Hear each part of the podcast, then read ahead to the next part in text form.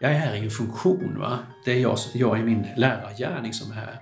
Eh, och att också försöka hinna med och tänka på, men, men vad kan det här stå för nu att eleven gör det där? Välkommen till Natur och kulturs podcast Akademiska kvarten. I den här podden ger vi dig en akademisk kvart med tongivande personer som har något viktigt att säga om svensk utbildning.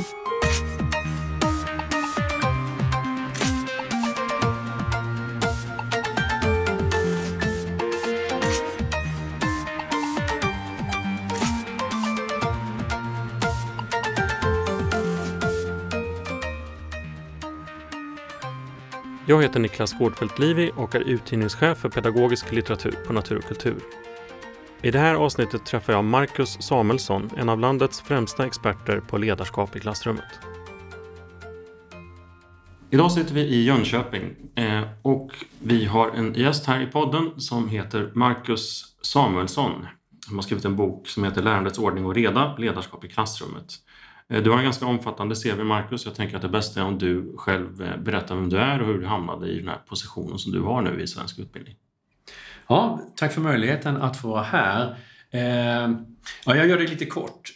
jag är legitimerad lärare i slöjd som utvecklade en allergi, en överkänslighet mot egentligen terpentin. Och terpentin finns i furu och furu finns i slöjdsalar, vilket innebar att jag varje dag fick hålla på med hydrokortisonsalva Eh, och min kloka hustru sa då att det där är inte rimligt. Och då visste jag samtidigt att det fanns väldigt få eh, eh disputerade eh, lärare i slöjd i Sverige. Så, och jag hade då läst vidare efter min lärarutbildning eh, och tyckte liksom att ja, läsa samtidigt som man jobbar var ganska intressant. Och då dök det upp en magisterutbildning i pedagogik som, som jag kom in på. Och sen i slutet på magisterutbildningen i pedagogik så, så dök det upp en professor i Linköping, Kjell Granström, Eh, och som berättade att, att eh, vi har doktorandtjänster på gång här och det finns möjlighet för er att läsa, ni som har gått den här typen av utbildning. Och då hade jag ingen i min släkt som hade disputerat, så jag eh, visste liksom inte riktigt vad det där handlade om. Men jag tyckte, men jag provar att söka i alla fall. Eh, jag hade ett par eh, tydliga påhejare i, i, i Sven Hartman, en professor i pedagogik numera i Stockholms universitet, som alltid har vurmat för slöjd och slöjdforskning, som sa, ja men absolut, det tycker jag ska göra, prova. Eh, och sen blev jag antagen. Eh, kanske eh, också därför att eh, jag var slöjdlärare, men sannolikt därför att jag var den bäst kvalificerade av de som sökte just då. Eh, och sen gav det ena det andra. Jag kom in och fick välja ämne eh, och har brunnit för ledarskap i klassrummet alltid. Eh, och frågade då, är ledarskap i klassrummet, är det rimligt? Kan man skriva om det? Absolut, sa, sa Kjell eh, och Gunilla Gedeskog som var min bihandledare. kan du absolut göra. Och då var det bara liksom att fundera på, vi fick ett halvår på oss, jag och min kollega Helene Elfstrand. Eh, det var ju fantastiska villkor. Liksom. Läs in er på någonting, fundera ett halvår vad ni vill göra och sen gör ni det. Och då började jag läsa in mig på... Kjell hade ägnat sig åt området innan, så jag började titta vad har han gjort? Kjells fru Gunnel Kollnerud hade gjort lite grann som angränsade. Eh, jag kunde konstatera att det hade inte gjort så mycket i Sverige eh, under de senare åren. 70-talet gjordes lite, 60-talet lite grann, 50-talet lite grann. Men det var inte så mycket gjort så att jag tänkte att ja, men det här var ju spännande. Men det var också svårt. Eh, därför visste jag inte riktigt. Som nybliven doktorand så vet man inte riktigt hur, ja, hur ska man hitta vad som finns gjort internationellt. Så. En rolig anekdot var, var vid något tillfälle när jag satt på mitt rum och eh, skulle leta efter tidigare forskning och satt och sökte på engelska, försökte liksom på min bästa skolengelska komma på vad det kunde heta. Och sen gick jag längre bort korridoren där, där Kjell satt och sen så sa jag till honom att ja, konstigt det här, det verkar inte finnas någonting. Va, va, vadå? sa han. Ja, jag hittar ingenting i den forskningen. Nej, men du, om du provar de här och de här och de här sökorden. Han, han lyfte inte blicken från sitt eget skrivbord utan bara liksom så. Ja, kan jag bara memorera dem och så gå in på rummet igen och sen skriva in dem. Sen bara liksom, pof, bara slog det upp så. Jag bara vände mig om och så skrek jag. Jag hittade dem. Jag vet, sa han bara ja, fantastisk historia. Ehm, det går inte att undvika att vi börjar på eh, en viss punkt, eh, nämligen den att ledarskap i klassrummet skulle jag vilja påstå är en eh, det är en, ett ämne som är oerhört brännande och angeläget och viktigt för samtliga personer som har varit lärare eller som kommer att bli lärare. Samtidigt som det finns en enorm mängd missuppfattningar och kulturella föreställningar som, för, som spelar in och, det, och tidens tand gör att man har olika uppfattningar om vad som är en bra ledare i klassrummet. Och ibland så pratar man om den här mot, det motsatsparet, att den här klassiska Caligula-läraren eller som Barbara Bergström har nu gett ut en bok, hon som är, eh, äger Engelska skolan-koncernen, som heter Tough Love till exempel. Eh, med undermeningen såklart att här är det minsann hårda, hårda bud och här är vi tuffa mot eleverna. Och på andra sidan har vi den här kompisen, den här snälle, eh, mesiga läraren på något sätt. Om vi, om vi nu tillåter oss att ha den här binära uppställningen eller den här eh, dikotomin. Eh, och det där kan ju skapa en slags ambivalens i både föreställningen bland lärare och elever och föräldrar och så vidare.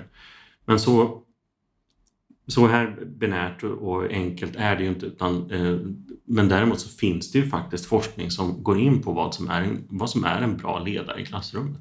Så jag skulle vilja att vi börjar där, att vi får en betydligt mer initierad och nykter bild av vad är en god ledare i klassrummet enligt dig, Marcus? Ja, ja men vad roligt. Eh, det här är ju ett favoritämne, det vet du ju. Eh, och då är det ju lite, lite bra, tänker jag, att påpeka och understryka eller påminna om att, att Eh, den bra ledaren i klassrummet eh, är egentligen, har egentligen samma egenskaper som den bra arbetsledaren, eller den bra företagsledaren eller den bra idrottsledaren. Så på ett sätt är det inget speciellt. Men å andra sidan är det så att elever är tvingade att vara i skolan. De är tvingade att vara där 25 000 timmar av sin barndom. Och det sätter ju ramarna, för det är väldigt många andra, eller väldigt få andra ställen där man är tvingad att vara så lång tid. Eh, men det det handlar om det är ju egentligen ett antal områden som man måste jobba med. Och det är områden som man kan lära sig, det är områden som man kan utvecklas. Eh, och jag kan också, om du vill, komma in lite på eh, blivande lärares föreställningar om de här områdena. Men det handlar ju om, om det som jag pratar om som strukturer, procedurer, rutiner, eh, som är ett väldigt viktigt område. Eh, men det handlar också om, om eh, det klimat, både klassrumsklimat och skolklimat. Det handlar också om relationer. Och det handlar om förväntningar och motivation. Och sen handlar det om liksom det vi kan prata om som disciplinära interventioner om man, om man liksom fixar och hanterar de här fem områdena och så finns det ju liksom små delar under de där som, som, som, kan skilja dem åt, men ibland går de också in i vartannat. Men fixar man de fem områdena så har man väldigt goda förutsättningar för att lyckas som ledare i klassrummet. Mm. Och du pratar om att eh, du har en förkortning som är FLMU. Ja. Eh, som är ett bra verktyg för att förstå hur man bör arbeta. Mm. Eh, och det, då är det förebyggande, långsiktigt, medvetet och uthålligt. Ja. Eh, jag skulle gärna vilja höra dig säga något kort om var och en av de här begreppen. Ja.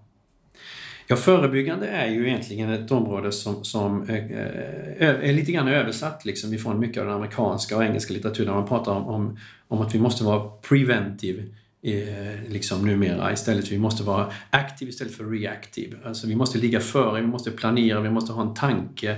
Vi måste vara förmågan att läsa av vart saker och ting är på väg. Eh, jag såg idag ett exempel eh, eh när jag var ute och besökte en lärare eh, som ganska direkt eh, under helklassarbete, de jobbade i par, två och två, med, med och, och jobba med engelska och ord. Eh, den ena sa och den andra sa efter och sen växlade de och sen körde de i, i rader och så. Och då kunde han ganska direkt se att någonting var på väg att blåsa upp.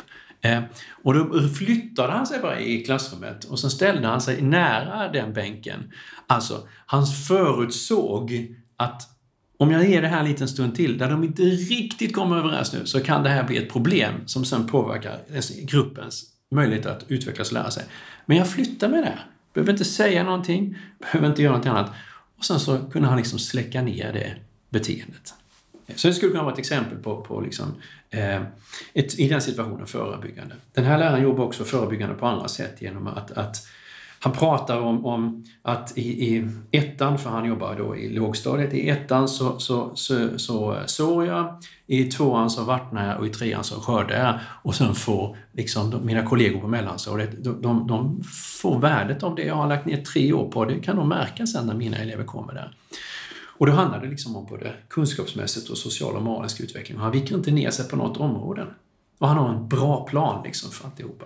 Och då är det långsiktigheten? Då är det långsiktigheten och det förebyggande arbetet. Han vet liksom att, att jag måste varje dag, varje morgon, så måste jag visa mina elever. Jag måste modellera ett visst sätt. Och då tar de efter det där. Mm. Och det exemplet eh, visar väl också just på det här medvetna och det uthålliga? Ja, ja, ja. Alltså, Absolut, det visar, det visar på det. Ja. Vi var, vi var där kaffe på, på, på idag eh, igen eh, efter maten och sen så kommer vi upp och då är det halvklass matematik. Och då har han liksom medvetet, långsiktigt, eh, uthålligt eh, förklarat sina elever att, att efter lunchen så ställer inte ni upp här utanför. Utan klassrummet är öppet och, och, då går ni upp och sen går ni in. Och sen tar ni upp de där böckerna som jag pratade om innan. Idag pratade vi om matematik efter lunchen, som vi går till nu, ställer upp här utanför. Så är det matematik som gäller. Eh, och när vi kommer in där, eh, han och jag, så sitter 12 stycken elever där inne. Det är, det är liksom knäpptyst i klassrummet. Var och en sitter och arbetar. När han kommer in så sträcker någon upp handen, för då är det någon som har ett problem som de liksom behövde hans hjälp. Men de har suttit och väntat på honom. Ingen sprang omkring, ingen gjorde annat än räkna matematik. Och det är klart som han sa, det gjorde de inte när de började i ettan. Men han har nu på ett och ett halvt, två år liksom tränat upp den här förmågan. Och det går att göra. Genom att man liksom tänker långsiktigt och medvetet, uthålligt och sen så har man en idé. Vad ska vi ta vägen sen? Mm. En annan intressant eh, något som var tankeväckande för mig när jag eh, läste din eh, text i ett tidigt stadium. Vi kom överens om den här boken i Helsingfors för flera år sedan. Ja. Eh, och titeln på boken är ju Lärandets ordning och reda och det är ju en slags eh, ordlek. Eh, men du, vis, eh, du argumenterar för att visa på att om man planerar undervisningen väl så kan man ju på det sättet undvika ordningsproblem om vi säger, använder det begreppet. Mm. Jag tror att när jag jobbade som lärare till exempel så kände jag nog ofta när, om det blev ordningsproblem att jag kände så här, men ah, jag som har en så bra planering och nu, nu blir det stökigt. Jag kopplade inte alls ihop de två tror jag. Skulle du kunna bara berätta lite grann om hur det här fungerar?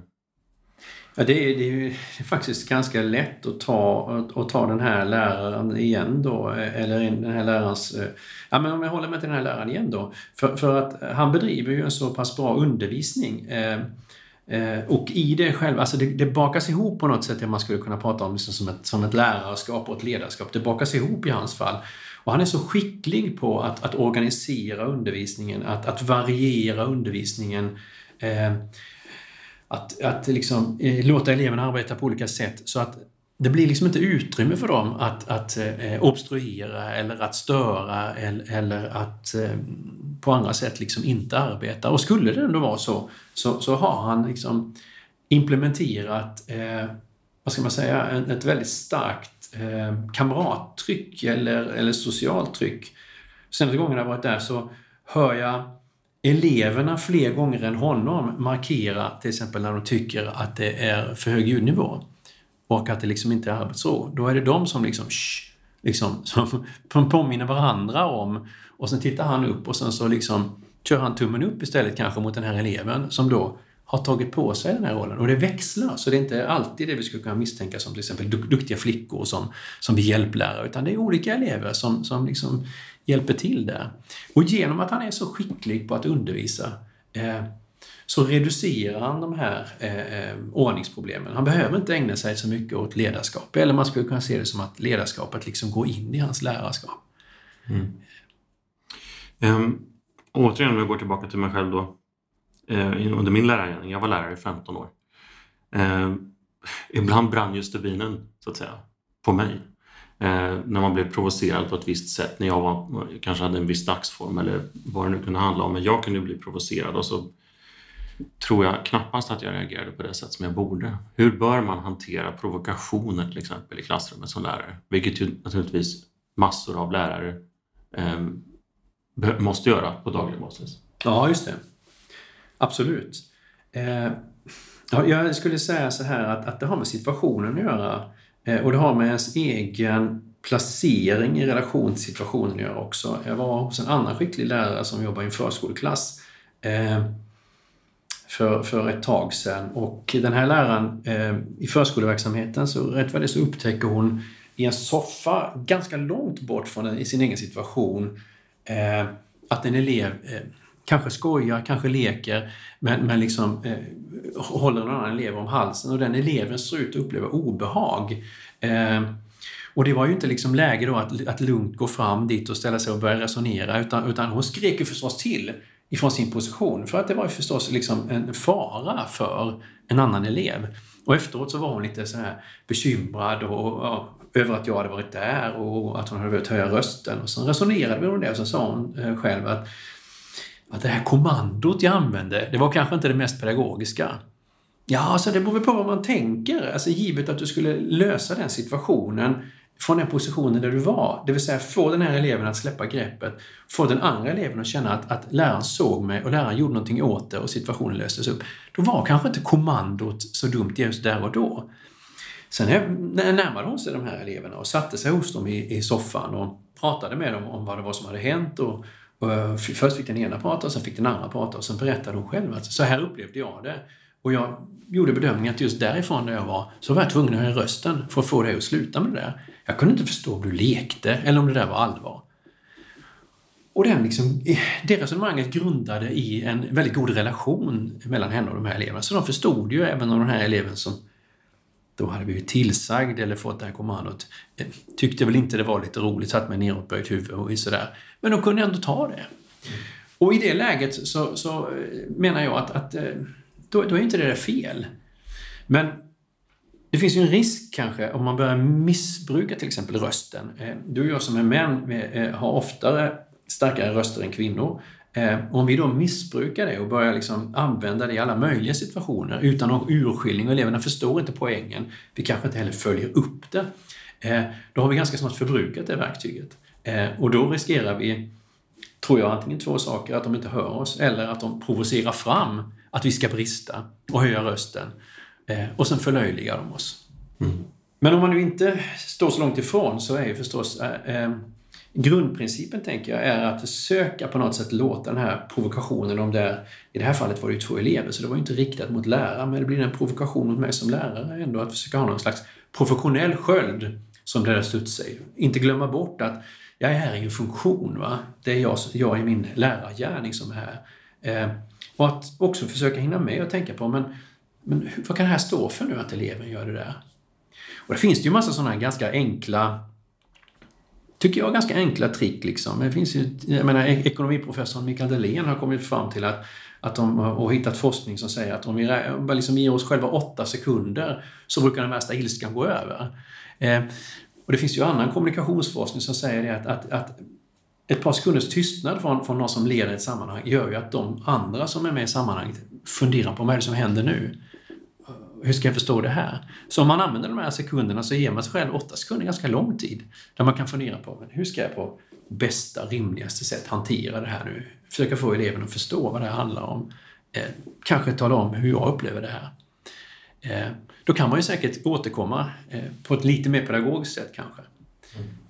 Men sen får man ju också, tänker jag, vara tydlig med, med eh, ju mer genomtänkt och tydlig man är med vad är mitt uppdrag? Eh, och ganska tydligt tala om för eleverna, det här går jag med på och det här går jag inte med på. Argumentet för att jag går med på det här, det är det här. Argumentet för att jag inte går med på det, det är det här. Och sen håller man, håller man konsekvent den linjen. Jag tycker erfarenheten från lärare jag pratar med säger att, att de slipper ganska snart att bli testade. Därför att de håller linjen mm. och de är tydliga. De viker till exempel inte. De säger, kan säga till elever på lågstadiet att, att så länge du talar sanning så backar det alltid. Men den dagen du börjar ljuga, då, är du, då, är du, får du stå själv. För jag backar inte ens som ljuger. Men talar du sanning så backar jag alltid. Och de läser det där väldigt tydligt och skulle de någon gång då inte riktigt kunna hålla sig till sanningen så finns ändå läraren lära initialt och liksom, men hur var det nu det här? Vad var det jag hade sagt om sanning och lögn? Och sen liksom kryper det fram. Ja, men, ja. Mm. Jag tänkte avsluta med en mer personlig fråga. Det går ju som en slags träfiber genom ditt liv med furu och terpentin och eh, granström eh, och slöjd. Men du har ju också, eh, jag tänker, förutom att vara forskare så vet jag att du också är, har ett ganska speciellt förhållande till skogen. Jaha. Eh, visst är det så att du är skogsbrukare? Då? Ja, det stämmer. Det stämmer. Man kan ju tänka sig att eh, kan det vara att ha att göra med att han är slöjdlärare? Ja, det kanske kan ha att göra med det. Det skulle man kunna tänka sig att liksom många slöjdlärare drömmer om det. Liksom. Tänk att ha en egen skog. Och, eh, vi har en annan släkting som har ett eget sågverk och, och, som ligger hyfsat nära vår skog. Men, men egentligen så är det ett generationsskogsbruk som det kallas. Det vill säga det är min, min eh, Eh, hustrus eh, farbror eh, köpte vi skogen av och det går liksom flera generationer tillbaka. Och vi har ett torp som ligger mitt i den där skogen och, och när han då på ålderns höst kom fram till att, att nu orkar jag liksom inte driva den här eh, skogen så sa jag det att ja, men, det kunde vara liksom intressant att, att, att, att prova att bruka en mindre mängd skog. Eh, även om vi kanske inte kunde föreställa oss alla de beslut och överväganden som man skulle behöva ställa sig inför. Där gäller det också att man är både förebyggande, långsiktig, målmedveten och uthållig kan jag säga. Marcus Samuelsson, tusen tack för att du var med i Akademiska. Tack själv.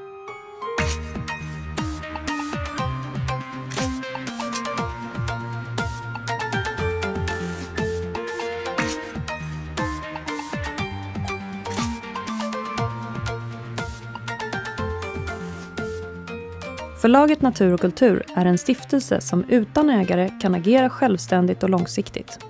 Vårt mål är att genom stöd, inspiration, utbildning och bildning verka för tolerans, humanism och demokrati.